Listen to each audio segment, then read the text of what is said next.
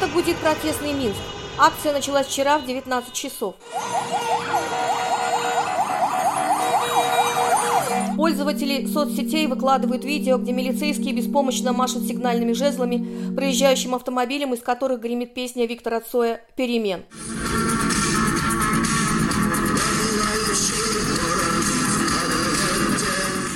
Она несется из открытых окон домов. Ребят, которые несанкционированно пустили ее во время мероприятия, организованного властями, посадили на 10 суток. По словам очевидцев, их избили. Милицейский автомобиль протаранил велосипедиста, участника велопробега солидарности по улицам Минска, за которым по тротуарам буквально бегали и взводы солдат-срочников. Завтра, в день выборов, и послезавтра многие белорусы повяжут на запястье белые ленточки, символ мирного протеста, наденут свои вышиванки и обязательно выйдут на площади своих городов, несмотря на то, что будет дальше. Незарегистрированный кандидат в президенты Беларуси Виктор Бабарика и его сын в тюрьме. Другой незарегистрированный кандидат Валерий Цыпкало от угроз скрывается в России. Жена арестованного блогера Сергея Тихановского Светлана, зарегистрированный кандидат в президенты Беларуси, как может консолидирует протестные настроения белорусского народа. Ей в этом помогают две женщины – Мария Колесникова и Вероника Цыпкала, главы избирательных штабов Бабарика и Цыпкала. Их доверенных лиц арестовывают, журналистов, которые рискнули туда поехать без аккредитации, а ее невозможно получить, высылают из страны. МУС – это аббревиатура Министерства внутренних дел Беларуси, в народе Министерство МУС. Но действующий президент Беларуси Александр Лукашенко и белорусы, похоже, вдохновляются разными музами. Команда Найлару две недели назад побывала в Беларуси, чтобы почувствовать и передать предвыборные настроения людей. Не острые их состояния, а назревавшие десятилетиями. О чем думу думают белорусы, говорим с литератором Павлом Костюкевичем. А примерно минут через 40 отправимся с ним на экскурсию по улицам Минска. У микрофона Инна Шилина. Вы также услышите вопросы моего коллеги Артура Саморозоваса, который готовил для вас фотоисторию. А также... переводчик и арт-директор издательства Логвинов. Да, и мы поговорим сейчас через несколько минут об издательстве Логвинов, но хотелось мне чуть-чуть вспомнить разговор, который состоялся до того, как мы пришли на это место. Мы сидим под яблоней а, во дворе церкви, вернее, костела католического, который когда-то раньше находился на сельской территории, сейчас он находится в, в черте Минска, я так понимаю, в самом центре. Да, в самом центре, костел Святого Роха. Это место примечательно тем, что в советское время здесь были так называемые глушилки. Тут стоят две высокие башни, на одну из которых Артура сейчас собирается залезть, чтобы сделать несколько фотографий. Да. У меня есть к нему вопросы. Не к нему, я думаю, что он не подлезет, но не важно. Ну, посмотрим. Сначала мы, я хотела бы услышать историю вашего магазина, в который, кстати, я очень хотела попасть. Мне его очень разрекламировали, и я хотела купить себе пару книг угу. домой. И как оказалось, что у вас у самого нет доступа в этот книжный магазин. Да, к сожалению. К сожалению. Коронавирус нас доконал. За 10 дней до начала даже карантина как-то схлопнулась книжная продукция, перестали белорусы покупать книжки, стали покупать гречку и как-то одна за, за другой закрылись несколько книжных магазинов в Минске, так что не мы одни, да, ну с книжкой все, все, все сейчас тяжело в Беларуси. А интересно, а вот как-то наоборот же вроде, Интерес... если сидишь дома, то вроде бы как нужно чем-то себя занимать, эм, книги читать, э... фильмы же все время не будешь смотреть. Смотрите, э, вообще время коронавируса это как бы такой отчет души. То есть люди сидят и думают, а, что, как я жил, как жить дальше. И я думаю, вот про что я думал. Сейчас, может быть, мы поговорим про других белорусов, про что они думали. Я думаю, это так сам тоже очень важно. Но я думаю, что вот я это миновито, именно про это я и думал вот эти все месяцы, что за неделю до коронавируса белорусы отказались покупать белорусские книжки. Э, пенять, конечно, на своего читателя очень так глупо, потому что ну, ты его плоть и кровь. И я потом подошел к этому очень философски, стал думать, почему, что, к чему. Не, не пришел ни к какому выводу, но думаю, что э, мои размышления пошли больше в философском ключе, что, э, наверное, литерату, литература перестала быть такой важной. То есть на баррикады кличут блогеры, на а, политические обозреватели пишут нам литературу, описывают какие-то будущую, да, какие-то пишут свои посты, которые выглядят как плохие, наверное, литературные произведения, но, тем не менее, это то, что употребляют люди. Поэтому как-то вот очень, да, чувство такое, да, что литература, может быть, это даже не столько белорусская, сколько, может быть, общеевропейская, что... Ну, да, но в то же время я не совсем уверена, что когда-то давно именно книги звали на баррикады. Все-таки, наверное, это были какие-то там, как вот мы помним революцию октябрьскую, да, скорее всего, это подпольные эти все ячейки, эти листовки, эти газеты. Наверное, они были тоже не особо хорошего качества тексты. Риторика. Наверное, наверное. Я, именно про это я вот сейчас занят своими измышлениями на коронавирусе, вместе, когда у меня действительно нет работы, когда книгарня фактически не работает, вообще книжная вся продукция но я как-то стараюсь вот это думать, почему люди перестали интересоваться книжкой. Мне как бы коронавирус показал мое место, да, и это немножко, наверное, больно. Наверное, важно еще читателям сказать, что вы продавали книги именно, именно на белорусском языке или не только на Да, понятно. Это еще один, это очень простое объяснение. Конечно, не все белорусы читают по-белорусски, не все белорусы интересуются белорусской литературой. А какая-то часть их считает, что это вторично по сравнению с англосаксонской, с российской литературой. Но все равно был наш читатель, наш железный читатель, который интересовался. Да, и, конечно, есть рядом пиратские э, какие-то сайты российские, где можно без, качать бесконечно книжки. А, у нас такого, у нас такого нет, да, у нас все-таки права, а, авторское право оборонено, у нас не, такого, таким не занимаются а, пиратством. Может быть, это одно с объяснений, конечно но как-то просто для меня, как для литератора, я все-таки не журналист. Я не могу это так вот сразу сказать, что это так. Это так, конечно, наверное, так, но все равно вот массово просто как отрезало. То есть даже наш... Есть, есть много людей, которые читают белорусские книжки. У меня там переводные мои, мои авторские. Ну вот как, как отрезало, не знаю. Может быть, это еще и причина вот вот этого переосмысления. То есть люди занялись именно, именно вот этим вот самоотчетом. Люди, может быть, для этого, может, книг не надо. То есть я какой-то спробую, пробую объяснения какие-то найти. Я вот к чему хотел спросить. Да, читатель а, куда-то девался. И вот, в принципе, так очень коротко. Значит, а, вы просто не смогли платить за аренду уже, да? И ну, конечно, все да. Остальные... Все закрылось в Минске порядка. У нас чем славится Минск, кто не знает, с, с слушателей. Минск э, действительно это были островки свободы, культуры. Вот начиная с нулевых открывались книжные магазины, где происходили презентации, представления, такие публичные площадки, где происходил обмен мнениями. И мы были вот так фактически, книгарня Логинов, так фактически первой такой свободной площадкой. Потом появились еще более семейные, наверное, какие-то больше, более мейнстримные. Но вот именно сейчас стало все закрываться. Все накрылась литература медным тазом. Это вот чувствуется. Какая это была литература? Белорусская? Да. Белорусская литература, ну, как, как всякая молодая литература, наглая, беспардонная, которая входит в двери, которые, кажется, для них не открыли.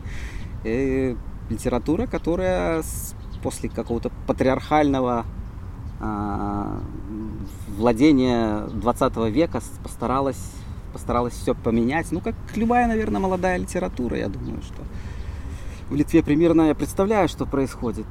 Это отличная литература. Ну, понятно, что 80% можно выкинуть, но 20% можно взять и ходить с собой, как, ну, как в любой литературе. А что вы знаете о литовской литературе? Читали что-то? Э, да, мы издавали, скажем так.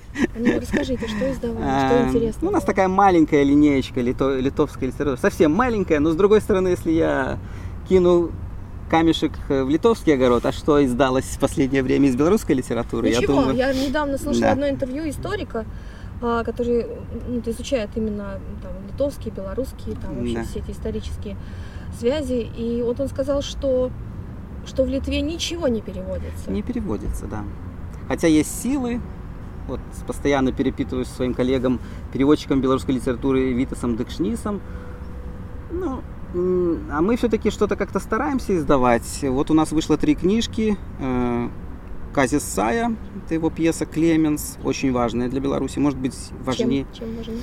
Она шла в свое время 80-е годы, это еще было до перестроечные времена, и она как бы вот задала еще, не было даже вот от чувства перестройки, она уже задала, если вы знаете, там сюжет а, глухая деревня, и им дадут, дают быка, и они думают, что с ним делать, там, глухая литовская деревня. Ну, очень сюжет был похожий, вот это вот чувство перед вот какой-то изменением, какой-то эволюцией, революцией. И когда она шла в Минске, то люди вставали и ходили вот как на какое-то открытие. А в Литве это меньше знают, не то что автора, а, наверное, эту пьесу. Потом мы издали э, отличную книжку, легкую, Шляпикса, Аль, Альвидаса Шляпикаса э, «Бог дождя». Отличная книжка, легкая. Именно тоже 80-е, маленькое литовское местечко и вот такое, может, может быть, такое «Сто лет одиночества по-литовски». Отличная легкая книжка. И третья книжка очень тяжелая, мы и тяжело издавали, но я представляю, что автору было еще тяжелее, когда он ее писал. Это Ричарда Сгавялис э, «Вильнюсский покер». А, очень...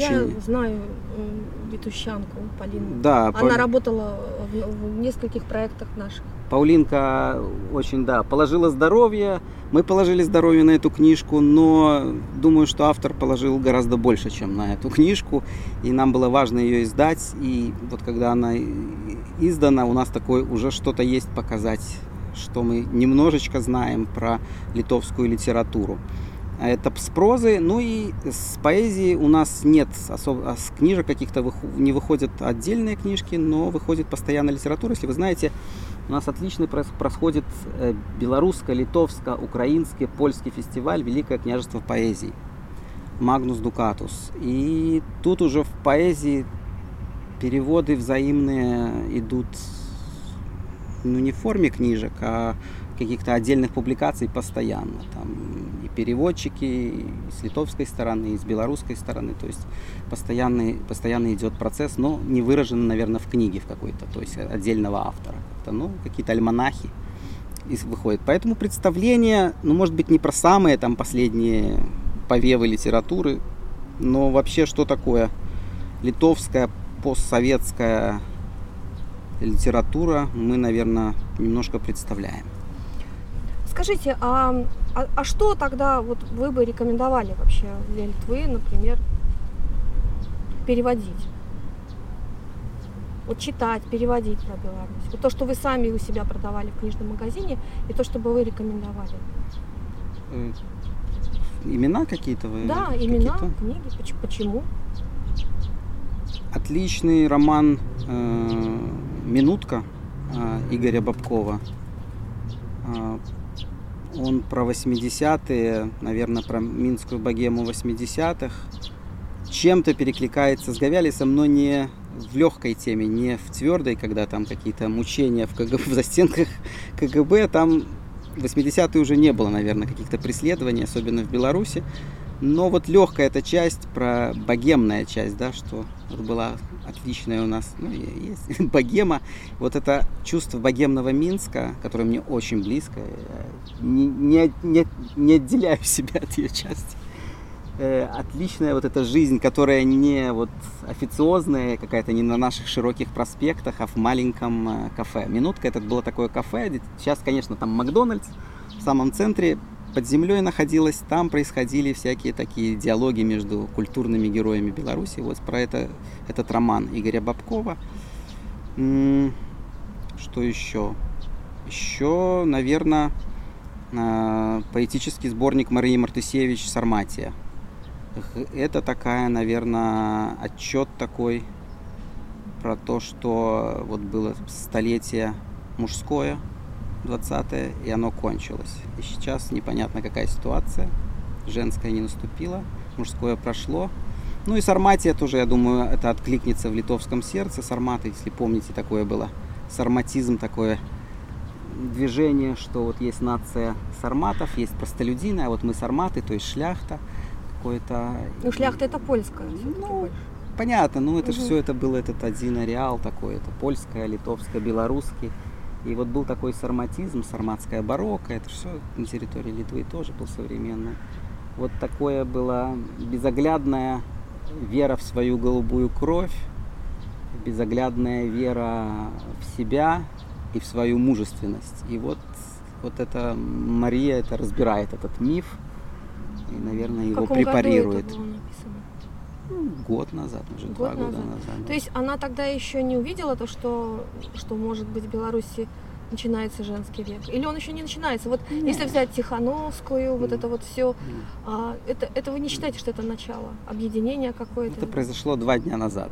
Я оперирую, все-таки я литератор, я оперирую, ну, Тихановская, хорошо. Нет, нет, ну какое?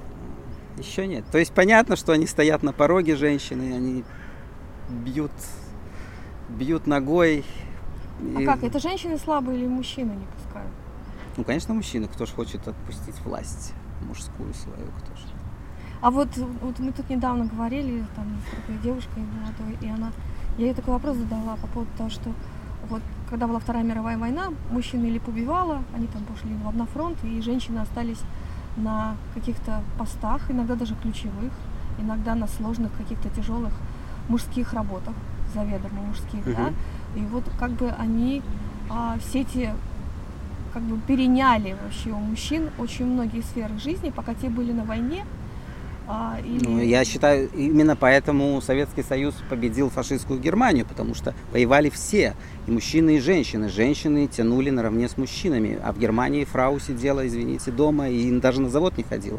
Это одна из причин, почему была а, выиграна война Советским Союзом, потому что женщину вовремя вовлекли. Все-таки, ну, Советский Союз страшная страна, но женщина там была не, знаете, не, не, не кухня, дети и, и а церковь. Кухня, да. дети, и что-то церковь, другое. Да. Это не, это, это другое совсем было общество. После войны, наверное, это прошло, понятно, да, что я вот как раз хочу сказать, задвинули назад, как знаете, что вот да, трагедия как в этом была, что было, началось да. трение, что когда мужчины начали возвращаться к своим рулям, угу. женщин подвинули, а женщины уже как-то и навострились, и намострились, то есть уже приобрели какие-то навыки. И, собственно говоря, говоря, это было некоторое трение вот в этом возвращении обратно. Ну, вот у меня было трение в семье. У меня бабушка развелась в 50-м году или в каком-то, потому что, ну, была недовольна дедушкой, ну, то, что я вам рассказывал раньше, вот, до интервью.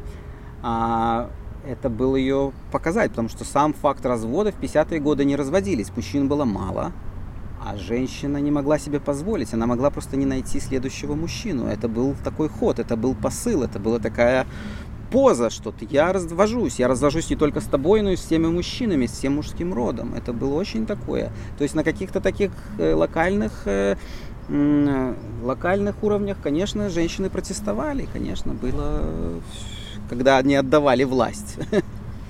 Вот вернемся опять к белорусскому языку. Вот мне, мне, меня Артур поправит, если я тут как-то неправильно сделаю формулировки, но вот идея свободы в Литве, вот она шла через, через язык, литовский язык, который там подпольно да, изучали, а, и через, все-таки через религию, католическую религию, да, костелы, про там это все, Песни. да? Песни, да.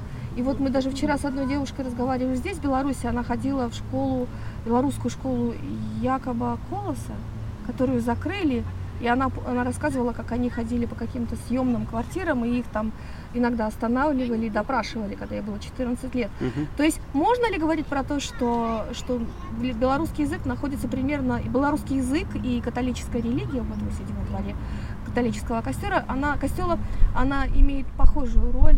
И... Нет. Нет. Хорошо, Это совсем скажите. другая страна. Во-первых, у нас нету такой роли костела. У нас все-таки две религии, две, два столпа у нас фактически традиция восточная, западная, католичество и православие. Раньше было униатство, это когда в Великом княжестве Литовском пробовали соединить это, православных немножко загнать ближе к католичеству. Была такая униатская церковь, еще третья добавилась. То есть идея была объединить. Но в принципе нет. Уже последние, наверное, 200 лет это всегда две церкви православная и католическая. Поэтому э, православная это очень прорусская церковь. Э, в, пророссийская. Пророссийская, извините, да. пророссийская в, в Беларуси, а костел, э, он номер два. Номер два мне всегда очень нравится. Посмотрите, какое отличное место мы находимся. И посмотрите, вот на каком языке написано цитаты из Яна Крестителя. Все по-белорусски. Они перешли, костел у нас был польский, польскоязычный. Но на какой-то этап э, приняли э, решение, что все будет по-белорусски. Костел в этом плане, языковом это действительно островок белорусщины, белорус, белорусскости. Это вот э, костел. Белорусщина очень красивое слово. Да, но это вот костел, но это плюс это не такой не такой большой процент все-таки православных. А много больше. здесь прихожан? Ну, скажем так, всегда в, в религии э, всегда так.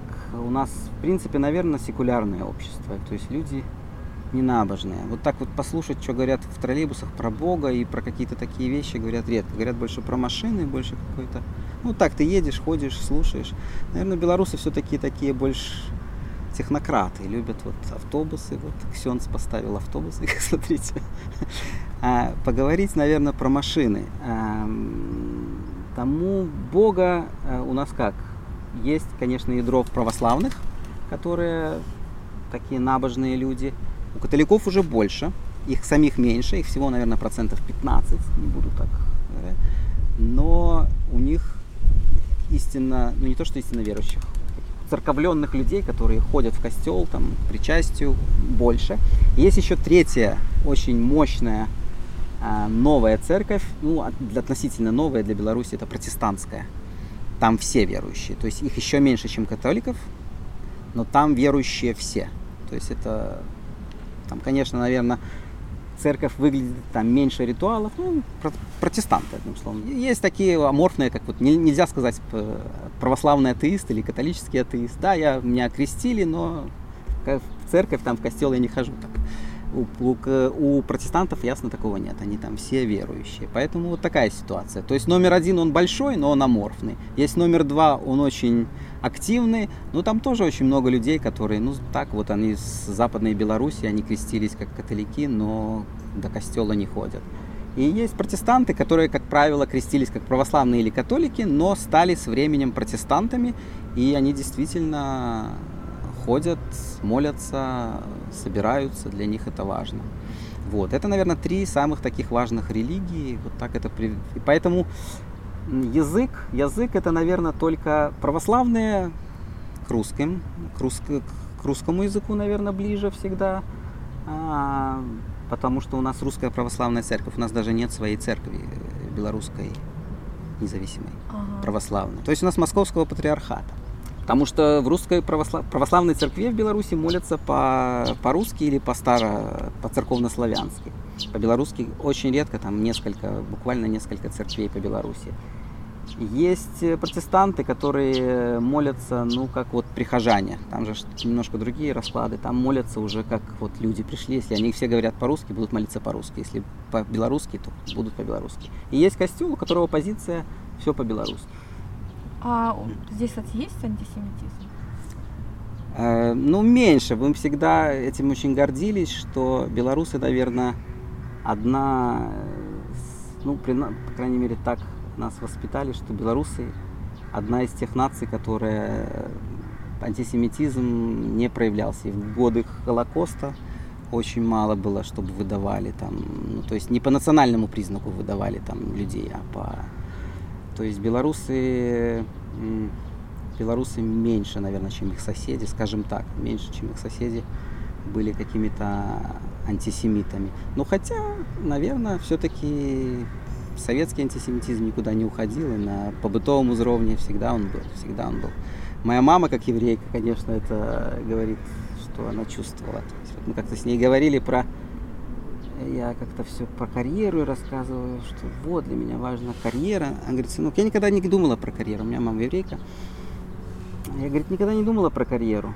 Я говорю, а чего ты не думала про карьеру? Ну, говорит, в советское время у меня была конкретная пятая графа, а ты знаешь, что если в Советском Союзе ты выше какой-то планки скокнуть не можешь, ты, ты развиваешься вширь, короче, она сказала. То евреи развивались шире. То есть она жила в Беларуси, то есть советской. То есть. А сейчас просто евреев нет, к сожалению. Осталось там, не знаю, 40 тысяч, это для Беларуси это ничто. То есть они как-то не особенно и жизнь современного белорусского еврея, она разрывается. Там дети в Америке, внуки в Израиле, он сам в Беларуси, слушает российское телевидение, я не знаю. Mm-hmm. То есть, наверное, хорошее отношение к белорус, к евреям сейчас. Я вот так чувствую по себе.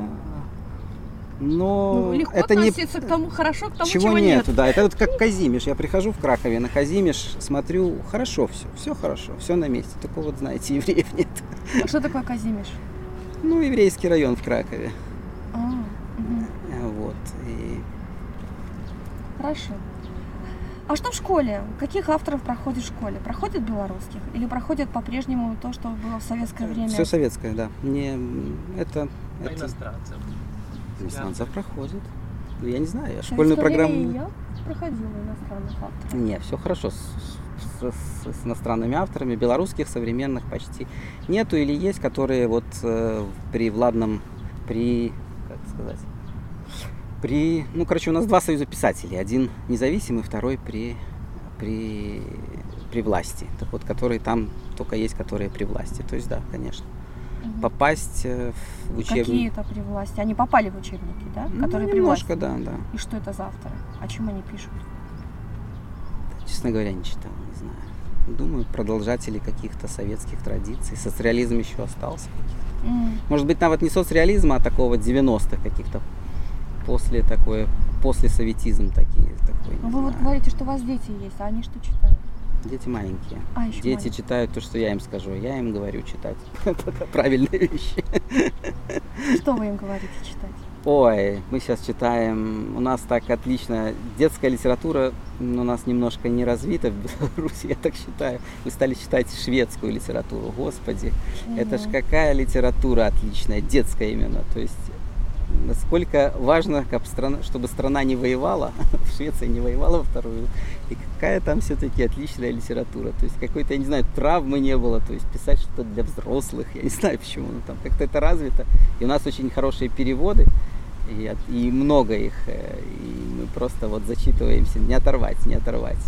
Такое, а читаем, ну, поскольку мы литераторы, господи, но мы же читаем наших друзей, кого мы еще можем читать. Кого? Ну вот отличная книжка Андрея Ходановича «Нотатки Татки». Она уже да. переведена на из несколько языков. Отличная книжка. Это современный белорусский автор? Да, да, да. Почему Просто она, хороша? она хороша, потому что она говорит говорит с ребенком на его языке и современные темы затрагивает именно независимой Беларуси, там, то есть реалии независимые, то есть вот такого плана. Я не знаю, ну это магия, это же так, уже детскую литературу препарировать тяжко сказать. Что это за музыка, откуда она идет? Ну, это центр. Тут у нас э, тут всякие барчики А. с той стороны. Тут, во-первых, это из, из музея искусства.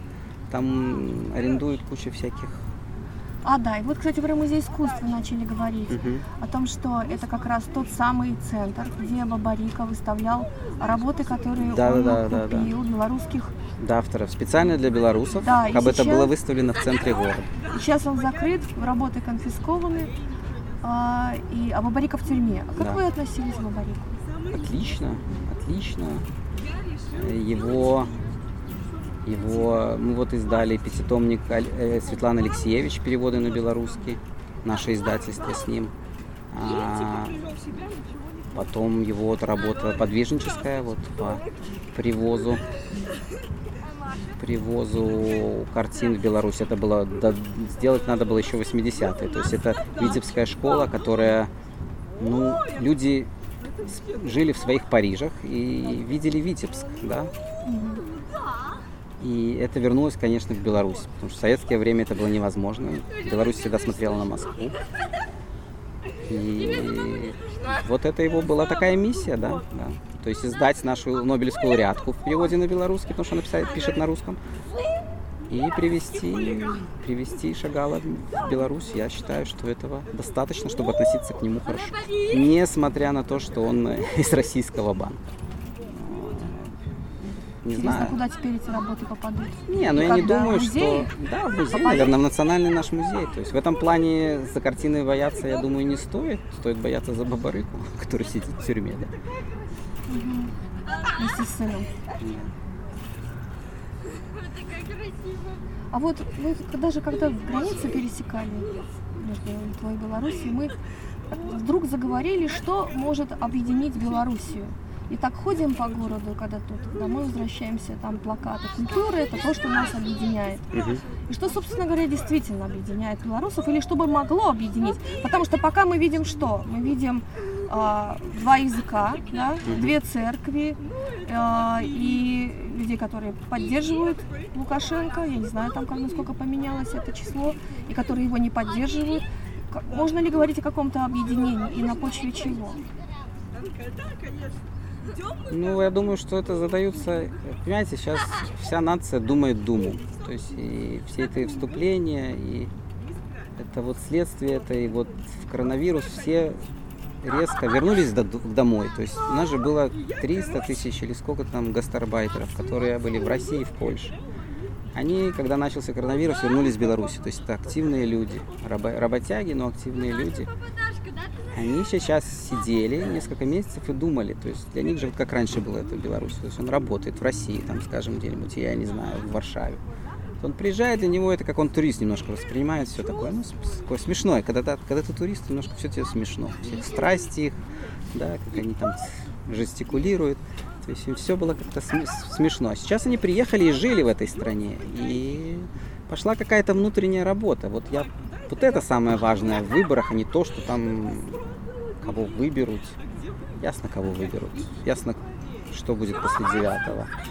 Но важно, что началась какая-то подспудная работа у людей внутренняя. Действительно, как-то стали думать, что их объединяет, почему они сидят тут, почему они сидят, не знаю, в Москве, где, где находятся их э, телевизоры, программы, которые они смотрят по телевизору, которые они постоянно Где они производятся? да не производятся. Почему они не там сидят? Почему сидят именно тут?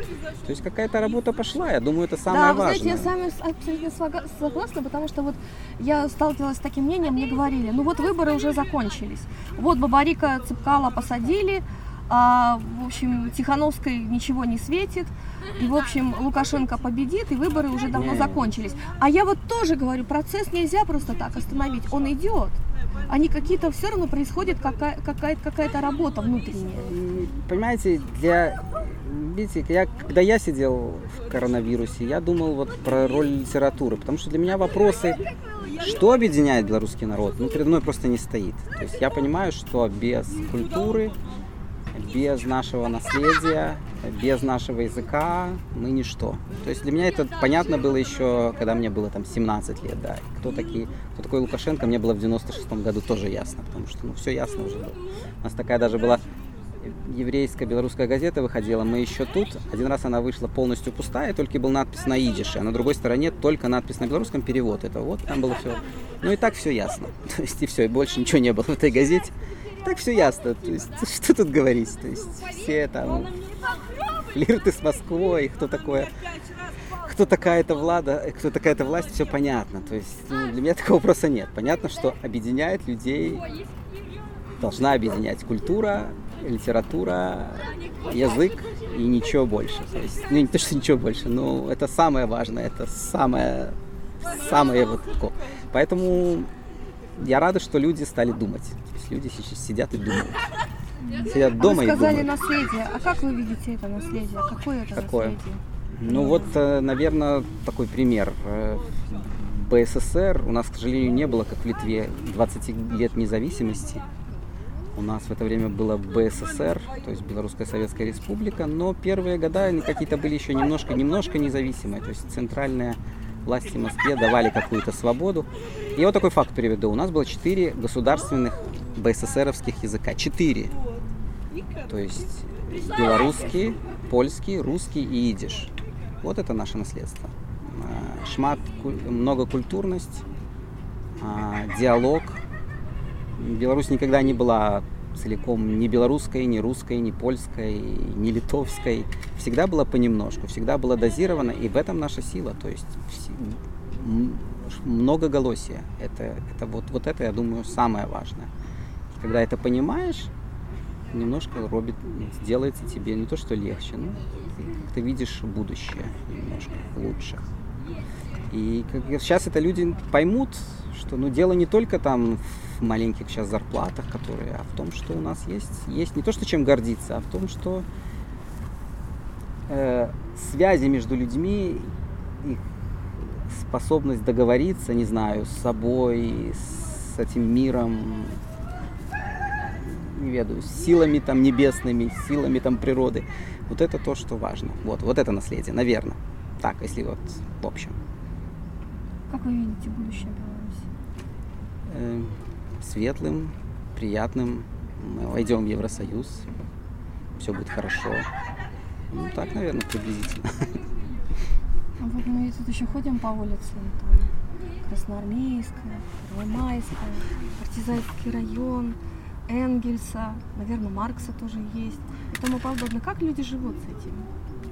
Или это как бы уже ничего не значит, пустой звук, или наоборот? Ну, это такая деформация мозгов, то есть двойным жизнью. Но с другой стороны, молодежь уже отличает макиата от капучино. Делает это вот с завязанными глазами. И это европеизм, понимаете? И он, когда закрываются двери, открывается окно, я не знаю. Я думаю, что это так или иначе это войдет. Ну куда? Мы не можем никуда деться. Мы сидим тут между... У нас много очень песен, что мы между Польшей и Россией, между Литвой и Украиной, да? То есть такая... Мы, мы тут. То есть а вот этот вопрос соседства, вот он интересный, потому что... Это очень интересно. Знаете, вопрос, вот... я с вами согласен. потому что это даже вот начать с такой мелочи, я не знаю, мелочь ли это, то, что, например, я за всю жизнь первый раз вообще в Беларуси, я не была ни в советское время, то есть я, может быть, была коротко до Ашмян доехала. А, это вот какая-то была школьная экскурсия. То есть это моя пер... мой первый визит в Беларусь. Я вам скажу, у меня мама ездила, была такая электричка, Минск, Вильнюс. Она ездила попить кофе, потому что хорошее кофе варили только в Вильнюсе. У нас не было хорошего кофе. Она просто садилась в 7.40 был электричка, 160 километров, и ехала в Вильнюс. Пила кофе свой, удовлетворяла все свои европейские потребности и вечером возвращалась на второй электричке. Это было такое вот у нее, ну не каждый месяц, но она это было, это было в советское время. И для нее это было вот, да, вот это было когда я первый раз поехал в Вильнюс, то есть она мне вот это все и показывала с картой была, да, куда сходить, где хорошее кофе, хотя это уже прошло столько времени. То есть вот это было соседство, то, что можно было поехать. То есть тут же очень важно положение Вильнюса, я думаю. Вся Литва для нас тоже загадка на самом деле. Мы, я вот выступаю в Шауляе, там, я не знаю, в Плунге, и я просто я не понимаю, что как, приходят люди, ты с ними говоришь, они еще говорят только на английском уже молодежь. Я не понимаю, что это за страна, да, но у нас есть Вильнюс, который тоже многоязычный, многокультурный, который нас со всей другой, оставшейся Литвой, он нас соединял. То есть вот, вот, вот. Вот это, я думаю, что ворота в Литву. Вильнюс. А с точки зрения литовцев, наверное, тяжелее, да. Ведь нужна виза. Хотя и нам нужна виза. Ну, просто у нас есть выбор таких стран, куда не нужна виза. Да, поэтому... да, ну очень глупо, да, поехать. То есть есть родственники, но родственники это, как правило, все в этом Вильнюсском крае, все, то есть не в Минске. В Гродно, наверное, поехать, э, да, это интересно, или там в Новгордукас, там, я не знаю, там, куда литовцы ездят, чтобы посмотреть историческое. Ну, а так, в принципе, причин поехать в Беларусь, не знаю. А у нас это было вот европейскость в советское время. И в 90-е при... добавилось, что мы узнали, что это была столица Великого княжества Литовское, которое было и белорусское государство. И это для нас было важно тоже посмотреть на острую Браму. Для нас такое же святое место. Там, не знаю, там, где стены белорусской гимназии, там, где издавалась наша Нива, то есть первая белорусская газета. Все отбывалось в Вильнюсе. И для нас это была такая вот ворота. Но, наверное, это про всю Литву мы, наверное, знаем гораздо меньше. Может быть, про Палангу, не знаю. Потому что вот выступая в Шауляе, а как, что вы выступали с Ой, там есть классные такие э, швейцарец, который делает каждый, каждый год э, фестиваль прозы. Макс Браудер, по-моему. То есть он женился на литовке, отличный человек. Но проблема одна. когда делаешь литературный фестиваль, надо приглашать поэтов, потому что поэты это соль земли. А мы прозаики нудные люди, скучные, мы все время думаем, сидим. А он решил собрать всех прозаиков. И вот мы выступляли в Шауляе. Ну, конечно, когда собрали нас всех прозаиков, это было очень такое.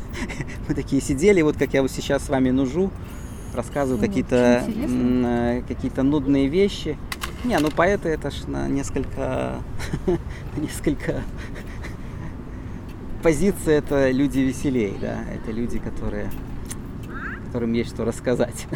ну, так мне да, кажется. я вас перебил. Итак, когда да. вы выступаете в шоу, А вот приехала одна машинка, с, это такая антикварная водоканал. Может быть, они какой-то фильм снимают, что они поехали. Вот такая. Это ж таких уже не ездит. Это чешская, чехословацкая машинка такая. И в Шауляе вот, вот было это, выступали мы в таких в маленьких кафешках в центре города. И ну, вот очень было много молодежи, и литовская молодежь очень такая какая-то, вот, очень действительно была, там, наверное, много выходцев из, из бывшего Советского Союза, не литовцев, потому что у них очень много было какой-то сленга какого-то, который я немножко понимал. Э, ну вот было интересно понять, что Литва отличается, что я привык видеть в Вильнюсе. То есть, ну, какая-то вот она, да. Отношения с Польшей? В Беларуси? Да, вообще, вот ваше лично как соседство. Мы все соседство обсуждаем. Варшава, она далеко, она близко. У нас все близко, Вильнюс, Но в другом километров, я понимаю другое. Не, не, я сейчас не в плане расстояния. Ну, костел, говорю. вот костел до недавнего Павинова все было до сих пор, наверное, эти богослужения по-польски. В Западной Беларуси до сих пор. У нас есть такая интересная арт-деревня Каптаруны, там, где люди говорили на четырех языках. То есть они были, наверное, этнические литовцы, между собой говорили по-литовски. А в сельсовет писали по-русски какие-то кляузы на своих односельчан.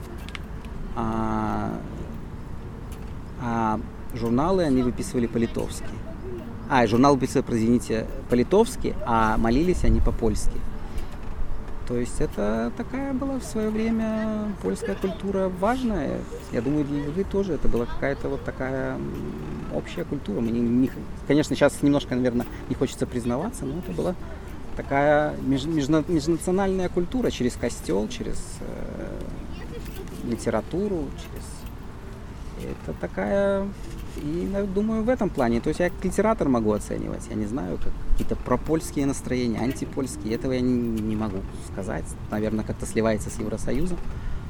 А вот чувство, что Польша это тоже магнит какой-то культурный, действительно у нас есть. У нас, как в издательстве, мы переводим очень много польской литературы. И польская культура как нигде присутствует, присутствует в Минске. А что переводите из польской литературы? Не поверите, переводим э, уроженцев Литвы. Честного Милоша. А, ну понятно, да. То есть э, Беларуси любят читать Бел... Беларусь, про Беларусь, и очень тяжело просто автора продать как просто чисто поляка. То есть надо какие-то привязки к Беларуси. Чеслав Милос, ну просто идеальный, как последний гражданин Великого княжества, как он сам себя называл. Это, по-моему, идеально было его раска- раскрутить, рассказать про него, как его историю, как вот какого такого есть... нашего трехкультурного человека, да. А Польша сама по себе польские авторы не интересуют? Ну, меньше. Нет, понятно, что есть отличные детективы, отличная современная поэзия. Издаем и... Нет, все это есть. И Токарчук, вот мы, Нобелевского лауреатка, мы издали еще 10 лет назад. Понятно, что она... Но как-то стараемся искать каких-то вот авторов пограничья, то есть нашего польско белорусско-литовского. И такие авторы есть, их много.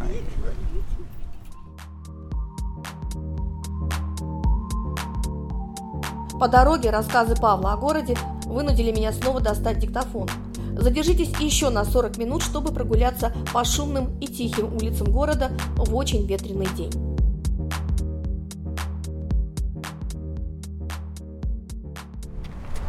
А с какой прозы вы приезжали? Ну, Что короткая. Я... Меня вот Витас переводил несколько рассказов. Там просто про пересечение контрабандистки. Там бабки у нас же возили ранее сигареты из Ашмян в Вильнюс. Я как-то ехал на таком поезде, я вот описал этот рассказ очень. Он как-то очень людям стал нравиться. И вот он его Витас перевел, и как-то он легко воспринимается в Литве. Я больше ничего не читал. То есть я там выступал в Тунге два или три раза с одним и тем же рассказом. Люди приходили, и там было просто. Ну вот, то есть это польская культура, ну вот это да. Ян Павел II, пожалуйста. То есть уже сколько пап изменилось, но все почитают Яна Павла.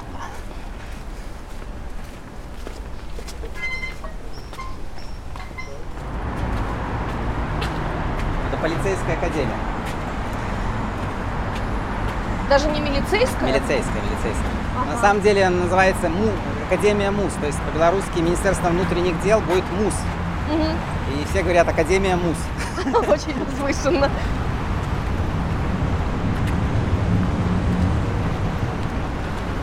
А как вообще престижно быть милицейским? Очень, э, если ты, конечно, с маленького города, то да, почему? Тебе сразу дают какую-то неплохую зарплату. Очень хорошее, хорошее дело. Ну, и у нас армия маленькая довольно, милиция. То есть, как бы это замена армии, это как армейскую карьеру сделать, наверное. Часто ходите по этой улице? А, каждый, каждый день. Ну, раньше, когда вот тут была работа, ходил каждый день. Пешком хожу всегда. Ну, это да, проспект. Ну, вот пон- знаете, да, поняли. То есть там Берлин, там Москва. И это его построили в 50-е годы. Вот такой, как бы, первый большой город, когда въезжаешь Советского Союза с запада. Съедешь с Берлина, и тут это все фасады. Вот смотрите, вот это все фасад гигантский. Ты проезжаешь в, краину, в страну счастья, да, советскую, ты видишь все фасады. То есть все машины ехали вот по проспекту. А фасады, если посмотрите на эти дома, сейчас пойдем с той стороны посмотрим, они очень простые дома, то есть это все фасады. То есть с той стороны они кирпичи там видать, то есть это такое, потем, не то что Потемкинская деревня, но такое вот, вот город солнца такой, сквозной. И вот этот проспект классически этому посвящен. Это у нас такой отличный писатель Артур Клинов написал «Город солнца», то есть про Минск. Но сейчас это легко понять. Говорить про Минск, что город солнца сейчас в солнечный день, это легко так представить, но вообще тут в основном же идет дождь.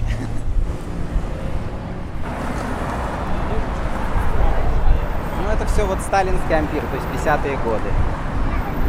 И вот Артур испытал, что нету исторического города. Но ну, вот все строили из дерева, и только вот фактически после войны начали строить более-менее с камня. То есть это все довольно новое, тут 50-е года. То, что из дерева это снесли или это все Ну, сгорело? исторический город, в отличие от Вильнюса, да, он был в основном, в основном из дерева. Ну и понятно, что когда оккупанты идут с востока или с запада, понятно, что они, им проще спалить исторический город, когда он деревянный, чем там разбурить, там, не знаю, костел Святого Казимира. Попробуй его еще разбурить. Так это бывшее, вот сейчас будем смотреть здание вот этого нашего легендарного галереи У. Вот где-то они года два назад переехали, а мы полгода назад переехали. Но было такое очень важное место. Именно как встреча всех. Ну, Не было где встречаться там независимой публике культурной. Ну, Вот. Вот этот, ну раньше тут был, а до галереи тут был приемный пункт стеклотары. Ну и приходили первый год эти старые клиенты. Приходит, а у нас там книжки. Человек в шоке. Ну и тут чего-то только не было. Тут уже ну, действительно, это было такое место, но все прошло. Минает слава людская.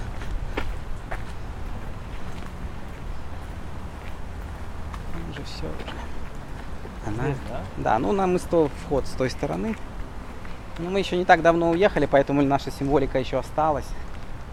Мы на пороге сделали э, модно, не знаю, там в Киеве, в Москве все делать какие-то нулевые километры, не знаю, если в Вильнюсе, откуда начинаются дороги, мы сделали такой литературный нулевой километр, где вписали имена авторов. Такой нулевой километр. Вот это наша книгарня бывшая. А почему название такое? Что оно означает? Логвинов это фамилия и владе- владельца. Это Логвинов как бы по-русски. А, мгм. Книгарня, книжный магазин. Ну и тут как бы до кого это были вот это был нулевой километр, все фоткались тут, очень любили. И вот до кого это, до, ну, до города, где он работал, там Милош, 120 километров. Хотя он на самом деле не в Виленщине, по-моему, родился? Он, по-моему, на Ковенщине родился, да? Чеслав Милош где родился? Он же, по-моему, ближе Милош к Кейдана. Кедайне, это Шатяне, есть такое место, такое Но это деревня. не Вильнюсский край. Нет, это Кедайн. Ну вот это я ошибся. Это я вот написал и прокололся. Ну вот и мы там были, да, 20 метров нашего счастья. Все уже все поменялось. Тут мы выступали, когда много народу приходило, тут все было забито. Один раз даже, ну, столько, столько людей пришло, человек 200 пришло на какое-то литературное событие. Что ж, милиция приехала со страху, думали какая-то митинг. Ну. Ну, ушли, да? Не было проблем. Ну, что да. Да, все прошло. Все прошло. Но ведь продолжение какое-то предусматривается. Ну, как- какое продолжение? Все закрылось уже. На новом месте все закрылось. Кризис. Ну вот можно на фоне Уна. Ну это уже а общее место, тут все фоткались в свое время. То есть это было какое-то свое время, то есть это не только то, что я такой молодец, да, не то, что там мои коллеги молодцы. В какой-то момент было, вот как бы все создали это место. То есть ничего в Минске не было, скажем, в 2009 году, да, предыдущие выборы, 10 лет назад. Все так хотели свое место, вот как бы его как бы родили. И вот эта галерея, книгарня, это было вот, ну лет пять так точно, это было такое самое важное культурное место в Минске, может, в Беларуси. И как долго она существовала? 10 лет. Вот, вот недавно закрылись мы только, полгода назад закрылись. Ну, в смысле, отсюда уехали. А Люся уехала, наверное, года полтора назад. Не скучаете по этому месту? Ну, конечно, это вот, вот для чего я... Пик моей карьеры. Но все-таки, а вы не думаете даже, даже пробовать не будете продолжать? Ну, найти Сейчас мы какой- просто лежим, мы просто вот лежим на полу. То есть сейчас... То есть, когда продается в 10 раз меньше книжек, то есть, ну, ясно, что там какие-то были спонсоры, были это то, все, но все равно. Сейчас это просто вот... Плюс надо выборы как-то пережить. Сейчас все будут в депрессии пару месяцев. Ну, как-то надо из этого выходить. Вот. Ну, такое это было. Было очень живенько, я помню. Концерты. ну, такое место. Ладно, что что ностальгировать. Кстати, вот этот дом построен из кирпича. Ну, какой-то, знаете, у нас же в чем еще прикол этого центра Минска, что все построено, какие-то значения советские. То есть в других городах, например, Вильнюс. Вильнюс уже центр застроен, да, то есть там уже ничего не вставишь. А тут центр был не построен. Ну и новый центр. И тут очень много символичных мест советских, которых ну невозможно, как знаю, как и Сталина вывезли скульптуру этих советских воинов, вывезли с центра города, потому что она там недолго стояла. А тут, ну это как бы вот этот памятник, да, вот этот ансамбль, вот тут все э, сделаны из кирпичей со сталинградских домов. То есть, ну, символичность какая. То есть, ну, то есть, вложили в это, то есть, чтобы ничего невозможно. Ну, как вот с этим вот, с этим прошлым можно что-то делать? То есть, ты же не можешь разрушить, сказать, это же как бы плевок там, да, сражались с фашистами, и тут ты буришь этот дом, или не знаю, что там буришь, там, памятник, что-то. Даже если придут там, не знаю, ультраевропейцы, и что вот с этим делать? То есть, ну, непонятно. Потому что это, тут до этого ничего не было, это новый Минск. То есть, центральный, исторический центр там, но это центр нового Минска. То есть, вот такое вот. И вот этот камни с дома Павлова, вы же знаете, в советское время мы учили, такой был Павлов в Сталинграде, оборонялся, дом его был, долго оборонялся. Ну вот из него, с этого камня, его специально привезли в Минск, ну не знаю, правда, неправда, и вот и построили. Так вот дед рассказывал, он там Павлова видел, говорит, да не какой-то бегал, говорит, какой-то человек, что-то. А. Это проблема. То есть десоветизация Беларуси это очень будет тяжело и ну не знаю, как вообще это будет.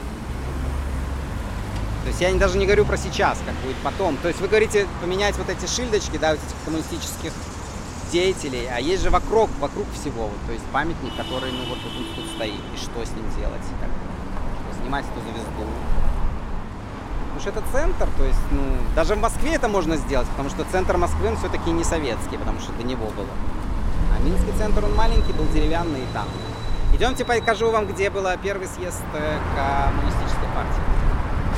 Это как для крестьян Вифлеем. В советские времена тут все были. Но уже как тут не изгалялись? Бессмертен тут уже. Ну, это, тут подвиг народа бессмертен. Так уже как не изгалялись. То есть бессмертен там. Щедрый на площади Победы. Такое все дышит Сталин, сталинской эпохой такой был центр. А вы, небось, в гостинице 40 лет Победы? Нем, а что есть гостиница какая? Около литовского посольства просто есть гостиница 40 лет Победы. Там всегда, когда приезжают делегации, ну я, по, по крайней мере, их оттуда забирал постоянно. Угу. Нас впечатлила гостиница Пекин, какая огромная. Ой, классная, да. А, а почему, зачем такая огромная? Неужели она бывает заселена когда-нибудь? Это не важно, это как бы Пекин показывает свою силу. У нас же как бы векторы два, либо Москва, либо Европа, да? Да. Ну, как бы в наших э, страны нашего региона. А Беларусь за его это вот типа подается как успех, ну что-то в этом есть. То есть подает, что еще у нас в принципе наклевывается третий вектор. Пекин. То есть э, Китаю треба, надо, они же как бы производители, но им нужен какой-то партнер, европейская страна, который их товары будет пихать в Европу. Ну, уже сам в Европе быть. И они так немножко ставили на Беларусь. И все эти вот гостиницы, и сейчас стадион строят бесплатно, это как бы им подачки показать, что ну вот Минск, они, что они дружат с Минском, что все такое. То есть, а для Беларуси это хорошо, что отойти от этой двухвекторности страшной между Брюсселем и Москвой, чтобы не быть всегда, как не болтаться между двумя этими страшными силами, как-то, ну не знаю, найти третий вектор какой-то. А Китай что с этого? Ну, Мне объясняли, все это вот то, что строится сейчас, это на, на границе с Литвой, это все будет обслуживать китайские заводы. То есть они перевезут То заводы, про- они будут производить. Я Про про- электростанцию? ки- Да, электростанцию. Ага. Это же очень такое китайское вообще. Все раз, рассчитывают, что это будет кормить китайские заводы, которые тут построятся. В пику. А что это будут за заводы? Ну, что они там делают? Что угодно, ширпотреб. Ну вот, этот домик, где был самый перш, первый съезд РСДРП, это Это, коммунистическая наверное, такой и партия. Минск ведь такой был деревянный. Да, вот да, такой, да, да, да. И то есть это самый первый еще до Ленина, то есть это, то есть они в Минске, но это часть была Российской империи. Тут был вот они собирались, подпольный был съезд а, коммунистической партии. М. А вот в том доме такой был персонаж Харвили Освальд, который застрелил Кеннеди. А, и что-то я такое, да, читала. И его, он был коммунистом и сказал, я не хочу жить в Америке. Его, конечно, послали в Москву, а в Москве уже было таких человек 100. И ему сказали, хочешь в Минск ехать? И он жил один американец на весь Минск. Его поставили работать, ну он типа коммунист, его поставили на работать на завод телевизоров, но дали квартиру в центре Минска. Ну, понятно, что прослушивали, но он тут жил, короче, Мгм. там два года. Потом уехал в Техас, убил, э, ну, вернулся в Штаты и убил Кеннеди. Ну, два года он жил в Минске, ну, про него уже, конечно, он уже культурный герой теперь уже. Про него уже столько книжек написано, правда и неправда, но он реально тут два года жил. Два года. А, и тут, а тут постоянно были, тут вот фотки есть у меня, где Фидель Кастро, там Войцех Ярузельский, то есть все эти коммунистические лидеры тут снимались. Тут все были эти генсеки, может быть, кроме Сталина. Потому что это за дом был? первый съезд Да-да. Естественно. Ну а что, да, а что в нем вообще, кто в нем жил это фальшивка. Э, Сам настоящий дом стоял на том стороне реки, но когда пришли фашисты и узнали, что это первый дом, тут же оккупация была 4 года, немецкая, фашистская. И они этот дом, конечно, спалили, потому что это символ коммунистический. А это уже построили в 50-е годы, как и все тут. Построили это новодел. Но ясно, что как вот он выглядел действительно один в один. Внутри там, э, как в 19 веке было в Минске, там, то есть это все. И тут все фоткались, все. Фидель Кастро. Так у нас существует э, а, такая шутка, что Харви Остельд, который тут жил, Фидель Кастро приходил до него попить чаю и учил его стрелять, короче. Ну все-таки интересно, а вот это вот, наверное, был обычный жилой дом, да? Когда-то. Ну вот до того, как Не-не, там это произошел пос- съезд. Нет, я поняла, нет, я имею в виду в доме, в Да-да. котором произошел вот, съезд. Был такой, да. Вот и это там центр просто жилой дом какого-то Да, да, одного из рабочего, коммуни- да, рабочих, да, коммуниста, да. Вот такой был Минск. Вот это Минск. Ну, в принципе, как Я себе как раз сразу вспомнила какой-нибудь советский фильм, когда показывали, как все собирались у кого-то там Вот, вот. дома. да. Вот, вот. И интересно, что в 90-е, когда коммунисты ушли, значит, нужно было выжить им, и тут был, ну, говорят, что тут был бордель. И сейчас тут очень интересные выставки. Тут, на самом деле, они никого не интересуют сейчас коммунисты. И всегда делают, ну, основная экспозиция коммунистическая, но на втором этаже выставляют, ну, например, Зеб Дроздойч. Зеб Дроздойч это типа Чурлениса, то есть космические картины. Я однажды зашел, то есть внизу коммунистическое все, а сверху просто там пейзажи Юпитера, которые он рисовал. Езеп Дроздойч у нас такой был, ну, очень параллельный до Чурлениса, очень похож. И то есть они как-то стараются выжить. То есть у них такое тут совмещение коммунизма и нормального искусства. То есть это хороший музей. Ну, наполовину. Но это отличная штука. И то, что это у него история, что он был 90-е бордель, это вообще ему прибавляет ценности. Ценности, да, культуры. Вот, ну, не знаю. Ну что вам еще какие байки рассказать? Знаете про украденную речку, да? Нет. Короче, что, что вы видите в Литве, где в, в Каунасе сливаются эти две гигантские реки, Неман и Вилля, ну, по-нашему Вилля, Нерес, да. Что Вилля должна быть так равнозначной Неману, да, там одна больше, вторая меньше, да? Или они одинаковые? На самом деле Вилля она больше, чем Неман. А, прикол, что в 60-е годы, ну, это Свислочь, да, это наша Минская речка но большинство каналов, что мы увидим, вот потом сейчас выйдем туда, это каналы искусственно сделанные в 60-е годы. Это краденая речка. То есть Вилья, же как бы начинается в Беларуси и течет в Литву и вытекает в Балтийское море. Что сделали, поскольку Минск развивался, он был, ну это же огромный город сейчас, 2 миллиона, промышленный, нужно было очень много воды, а у нас только одна речка. Она еще меньше была, чем это и закруглили все притоки Вилли, то есть Нереса, когда она еще шла по Беларуси, и закольцевали, и она ходит по кругу. Речка, которая не дотекает до Литвы, это был один раз, что Литовская СССР подала жалобу на Белорусскую СССР Москву, что украли у них речку. Сейчас про это не знают много, но я про это постоянно педалирую, потому что это реально краденая речка. То есть у нас в каждом микрорайоне очень прикольные каналы. И все это как бы вот это нерез который не дотек до Литвы. И когда ты выходишь Полная на это, да, и когда ты выходишь в Каунасе на этот вот э, выступ и думаешь, ух, какая речка там Неман, на самом деле большая речка не В каких годах? Потому что существуют очень старые фотографии же. В 60-х годах. В 60-х годах. А это оперный, построенный за год до войны, то есть в 40 году. Он должен был быть выше, но боялись сказали, что э, поступила в КГБ жалоба, ну, в НКВД жалоба, что с него видно Польшу. Ну, тут было 40 километров граница. Его построили на один этаж меньше. Ну, интересно, что немцы не разбомбили. Потому что он был сделан... Ну, она очень необычная такая, она такая... Не как все оперы, не классические здания такое. Так что сейчас пойдем по краденой речке. По Нересу фактически. Да. Но это не тут. Тут еще свислоч, тут еще. А дальше пойдет канал, по-моему. Там раньше был. Там э, бывшая резиденция Лукашенки, то есть этот был, э, э, как это называется, парт. Ну, самое главное партийное здание. А потом тут был Лукашенко, а Лукашенко себе сейчас гигантский буду, построил гигантский э, дворец там дальше за Минском, не совсем в Минске, там на выезде с Минска. А тут он довольно долго сидел, вот где флаг там. Угу. Довольно долго его была основная а администрация. Да. Ну, Чего? Тут была электростанция. Очень такой был тоже еще один герой пограничья, Сергей Писецкий. В Литве почему-то про него не знают. Он контрабандист, польский писатель, но жил в Минске и в Вильнюсе контрабандист, э, разведчик польский. Ну, то есть вот эти 20-е годы он постоянно туда-сюда бегал. То есть Вильнюс, Барановичи, это с, польского, с польской стороны тогда, и на советскую сторону, короче, туда-сюда ходил.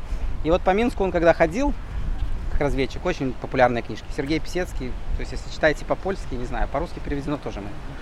Отличный товарищ, причем там все узнается. У него классная тема, где он на этом проспекте теперь Гедемина, он работал э, не в порнографическом, но в эротической фотостудии. Он был натурщиком. Он это писал в романе. Отличный роман. Ну, интересный просто там вот про типажи вильнюсские. Сергиуш Писецкий по-польски. Вот мы его перевели. Так вот тут он, у него все время были встречи какие-то с агентами. Вот тут была электростанция в 30-е годы а вон цирк там. Но это все уже... Какой контрабандой он занимался, что перевозил? Контрабанду он, э, ну что там перевозили? Все, что, чего не было в Савдепе, там все он перевозил. Там, там был один герой с сосками. Соски перевозил. Его словили пограничники, у него все в сосках. Детских. Ну и плюс он шпионил на пользу, пользу Польши, да. Ну, вообще не ясно, на пользу кого он шпионил, честно говоря. Чем больше его читаю, тем больше не понимаю. Вот, а цирк это вот такое было. Это во всем Советском Союзе искусство должно было зарабатывать деньги, все поняли после войны. По всему Советскому Союзу. Но это я недавно вычитал.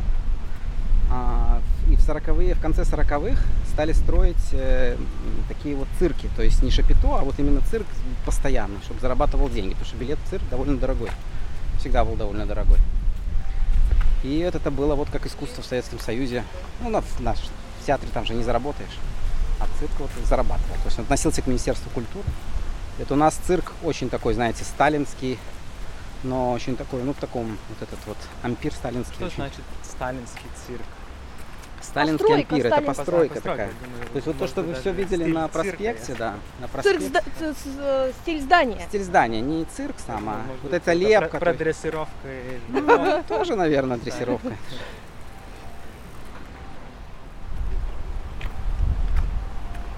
Ну, парк, конечно, как... То есть этот наш проспект, вы понимаете, что он сейчас называется независимости. Раньше он был, ну, як проспект Гидеминаса. Раньше он был там Ленина, Сталина, Мицкевича, Гитлера. Кто приходил, кто заказывал музыку, тот, кто его называл. Так этот парк назывался раньше тоже губернаторский. То есть как при Российской империи, ясно. То есть это старый парк. ему А вот у нас частная такая тема про парков есть, что ну там хочет, хочет кто-то построить дома, там какие-то вы- вырезать там деревни и там где-то. Ну, то есть происходит постоянная борьба за, за площадь парков. Здесь есть такое? Да, да, ну просто еще не оценили. У нас вся верхушка такая, ну, как правило, не с Минска. И не оценили еще, что центр Минска оценили, но не оценили какие-то, вот знаете, парки до, до недавнего вообще люди сюда не ходили. Сейчас при коронавирусе просто революция парков. Люди стали ходить, тусоваться. А у нас все-таки население такое сельское и как-то не ценят парки. Ну, мне кажется, то есть как в других странах. Как-то все люди Тут, тут не отбирали еще в парках так. То есть, как правило, какой-то зеленой территории забирают. Вот эти каналы, которые на скраденной речке, реке.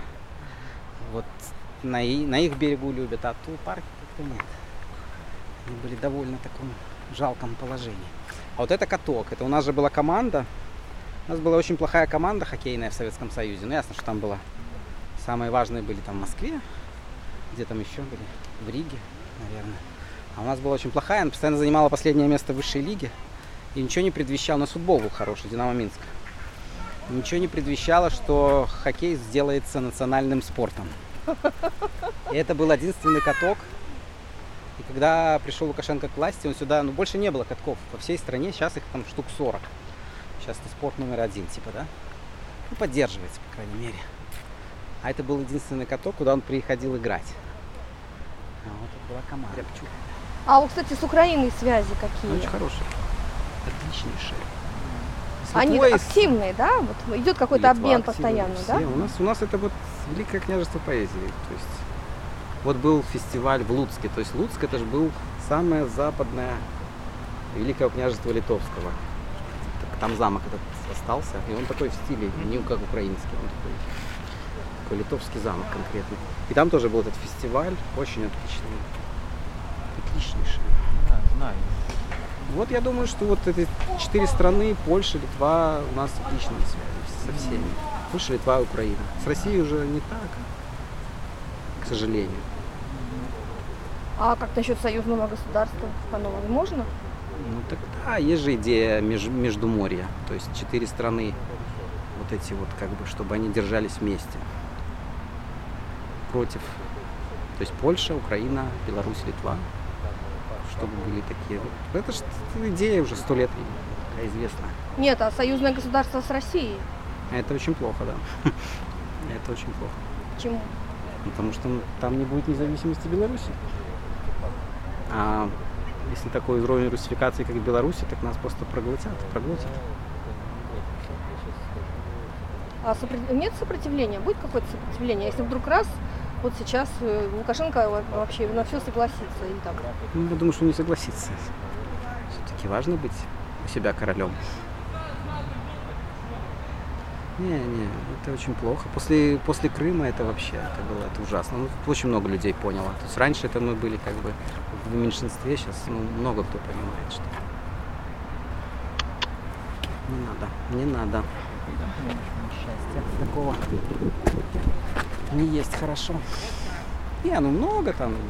Культурно, это мягкая сила тоже проникает. Все смотрят эти сериалы, все смотрят, слушают эти песни попсу.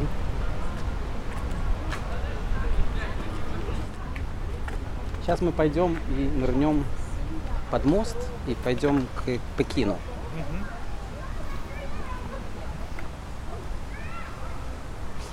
А, вспомнил, все-таки тут э, Свислочь, но она у, у, как бы в нее добавили каналов немножко каналов, то есть это наполовину краденая речка.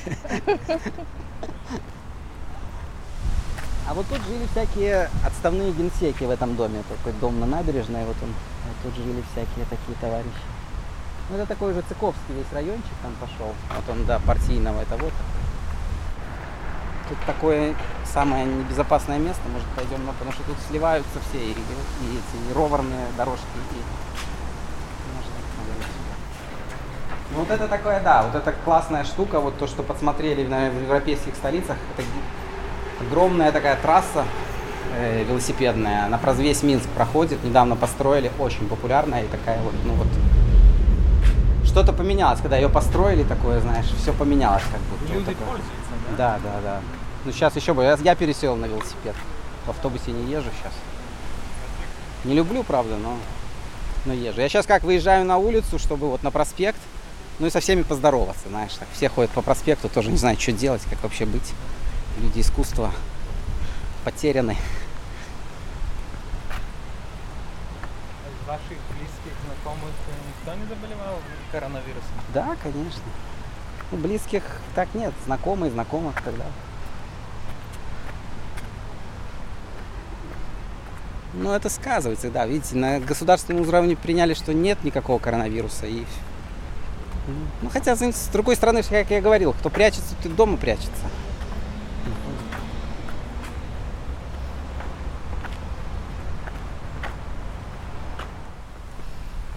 Что это такое? Какие-то гаечные Эти ключи? для велосипедов. А, Это понятно. все Евросоюзом оплачено. видите? Такая есть классная штука. Инструмент подкупа Евросоюза белорусской власти. То есть они делают какие-то проекты хорошие, полезные. Ну, я так называю, ясно, что они не так не это вот. Какие-то междуграничные, то есть между Литвой, скажем, и Белоруссией. Какие-нибудь проекты, я не знаю, там удобный переход, удобное КПП между Литвой и Беларусью. И дает Европейский Союз деньги, но он идет государственным предприятиям. И все это делают.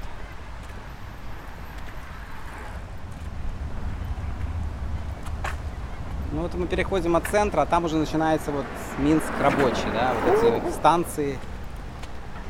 То есть эти все станции сделаны были, чтобы заводы гигантские, которые тут были, БелАЗ, МАЗ, ну и есть теперь, чтобы в них сразу доставлять детали, увозить продукцию сразу, везти дальше там в Россию, там есть республики. Там уже реальное дело, Минск такой уже начинается.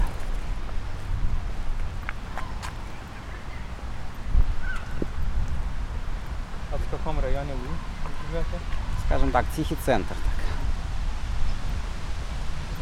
Ну, я всегда жил как-то в центре там, но сейчас был выбор покупать большую квартиру на выселках или поменьше в центре, так выбрал в центре все-таки. ты же литературой занимаешься, ты не, можешь себе позволить. У нас вся культура это, конечно, центр. То есть люди едут, чтобы культуру получить в центр. То есть для них это представление, что ты едешь обкультуриться. Поэтому Октябрьская такая проблематическая улица. Это бывшая, бывшая все-таки промышленная зона. И там далековато до центра все-таки. Не центр все-таки. Никак не старались все это сделать молодежное. Ну, так получилось. Ну, не как культурное, а больше как досуговое такое, чтобы выйти, попить. Ну, не культурные эмоции получить. Почему-то это по-другому. по-другому.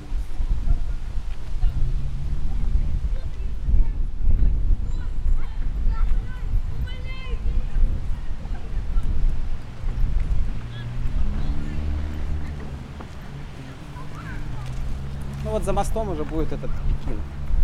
Там, не знаю, наверное, Да, мы знаю. вчера прошли. Да, Да, чуть-чуть другой дорогой. Ну, другой особой нет. Не, ну мы просто не оттуда шли, да, мы Не, мы шли так вот Литовское посольство. А, там, да, да. Детского садика Литовское посольство. Там Да, детский да, садик да, да, странно. Да, И у нас причем все балтийские страны почему-то занялись садки. Ну, центр же как бы детей мало в центре города. Что-то заняли. И латышская, и эстонская, почему-то все в, в детском садике бывшем.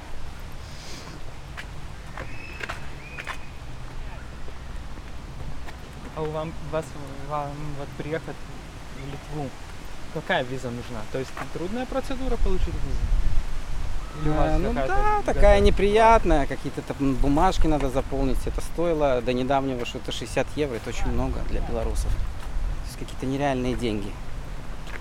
Причем понятно, там едешь там в Берлин, а тут в Вильнюс едешь на закупки.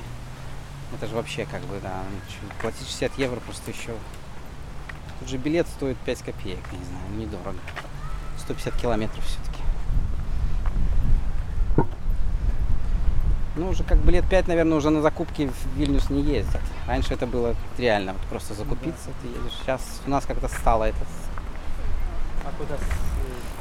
Ну, в Минске как-то стало уже, всякие эти бренды пере, Вот пере- Икея, Икея есть в Минске? Икеи нет, вот да, видно, это есть правда. много, да, Икеи нет. ну но- всякие такие марки одежды, Зара, там вот это все есть. появилось, но это недавно, вот буквально Да, года три назад. мода всякая такая. А я раньше конкретно ездил, ну и стиль другой. На самом деле уже этих гигантских брендов, у них разные линейки. Для таких стран, для таких стран. И по Литве и Беларуси почему-то проходит водораздел. Нас считают э, азиатской страной и возят другие модели. Ну, видно сразу. Ты Икеа, зайдешь в Зару в Вильнюсе и в Минске, вообще разные вещи. То есть у нас как-то считается, что мы тяготеем типа к Азии, типа Россия, а в Литве это типа Европа. И ну вот меня не устраивает. Я люблю как больше как какие-то европейские дела. Так, э, так меня тут вообще не устраивает. Я вообще перестал ездить и в Вильнюс, и у наших ходить. Я просто хожу в секонды и хорошо себя чувствую. Хороший дресс-код. Мы завтра хотели поехать где-то в э, микрорайонах Минска. Ну, осторожно так ходить. Не, ну просто А в районах, походить, в да. микрорайонах как опаснее, чем, не, чем не, ну просто что вас и в любом месте могут. Сейчас же куча всяких ходит в штатском товарищи. Я смотрела по... Ну, мы сейчас в данный момент экскурсию проводите вы нам, если что. Ну, если что, не что, ну, депортировать могут. район трактор. Тракторный завод. О, это... Мы туда хотим поехать. Это вот мы идем. То есть, если мы пойдем направо, это будет э, Пекин, а если пойдем налево, будет этот тракторный. Он уже, в принципе, начинается после А, да? железки, да. Это, это вообще классное место. То есть я говорил про город Солнца идею, да, что его построили как вот такой мост, такая фасад города Солнца, въезжаешь с, с запада на восток. Первый такой, первый большой город по дороге. А город Солнца 2, специальный город, построенный для рабочих, хорошо продуманный, строили еще пленные немцы, тоже в 50-е годы. Такие же самые здания, как, как в центре, но уже меньше разделы и для людей сделаны. То есть большие дворы, домы, дома такие, ну, как для рабочих сделаны, но с душой так как бы. То есть, ну, как вот идеальный город, как все. Архитекторы же тоже работали. И там вот есть, ну, это надо знать, конечно, не весь микрорайон, ясно, что там много новых домов, но там есть парочку, такой район, в районе Тракторного, там есть парочку районов, вот как в центре, но только вот сделанные для рабочих. Деревянные такие дома, да? Ну, бывшие, они ранее были деревянные, сейчас их обделали, они как бы выглядят двухэтажные Что такие. там находится? Там живут рабочие, там конкретные работяги живут. Там цены в полтора раза дешевле. Специально там, знаешь, власть хочет, чтобы дешевле было. Там реально, ты приходишь там пирожок купить, в центре покупаешь, там реально в три раза просто. Там. А там есть всякие бары, кафе. Ну, не бары, там пив-бары, О, понимаешь? нам туда надо. То есть там сидят работяги, сидят работяги и пьют пиво после смены. И это очень красиво. Там, знаешь, кто литераторы у нас была мода, ходили специально там, знаешь, понабраться истории, подобраться это. Да, а тракторный завод это вот э, крем де ля крем. То есть там уже давно этот район, он с 50-го года. Там рабочие, которые не с села, то есть они там уже работают несколько поколений. То есть эти трудовые это, династии. То вот. есть это те, которые, может, революции, к революции еще присоединились, к деланию революции, нет? Они ну, в этом Минск... съезде не участвовали в первом? Минск я за площадь, вот видите, да, площадь, знаете, да, это наш Майдан, типа. Я на площадь, я на Майдан, типа. И, и Почему там... еще не закрасили? Сейчас не хватает рук. У нас все в районе с этими три процентами, все куча не хватает. А может и не хотят уже закрашивать. Не знаю, я, я не могу, понимаешь? Но вот по надписям, надписи перестали, перестали закрашивать, да. Такое бы закрасить повинны были. Я тут ходил неделю назад, она была эта надпись. То есть это не порядок по белорусскому. Там тоже 3%, по-моему. Да, вот Карасей тракторный завод туда, Партизанский проспект. Вот это вот. На.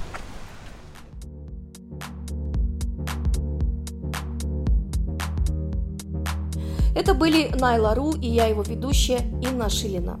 До скорой встречи!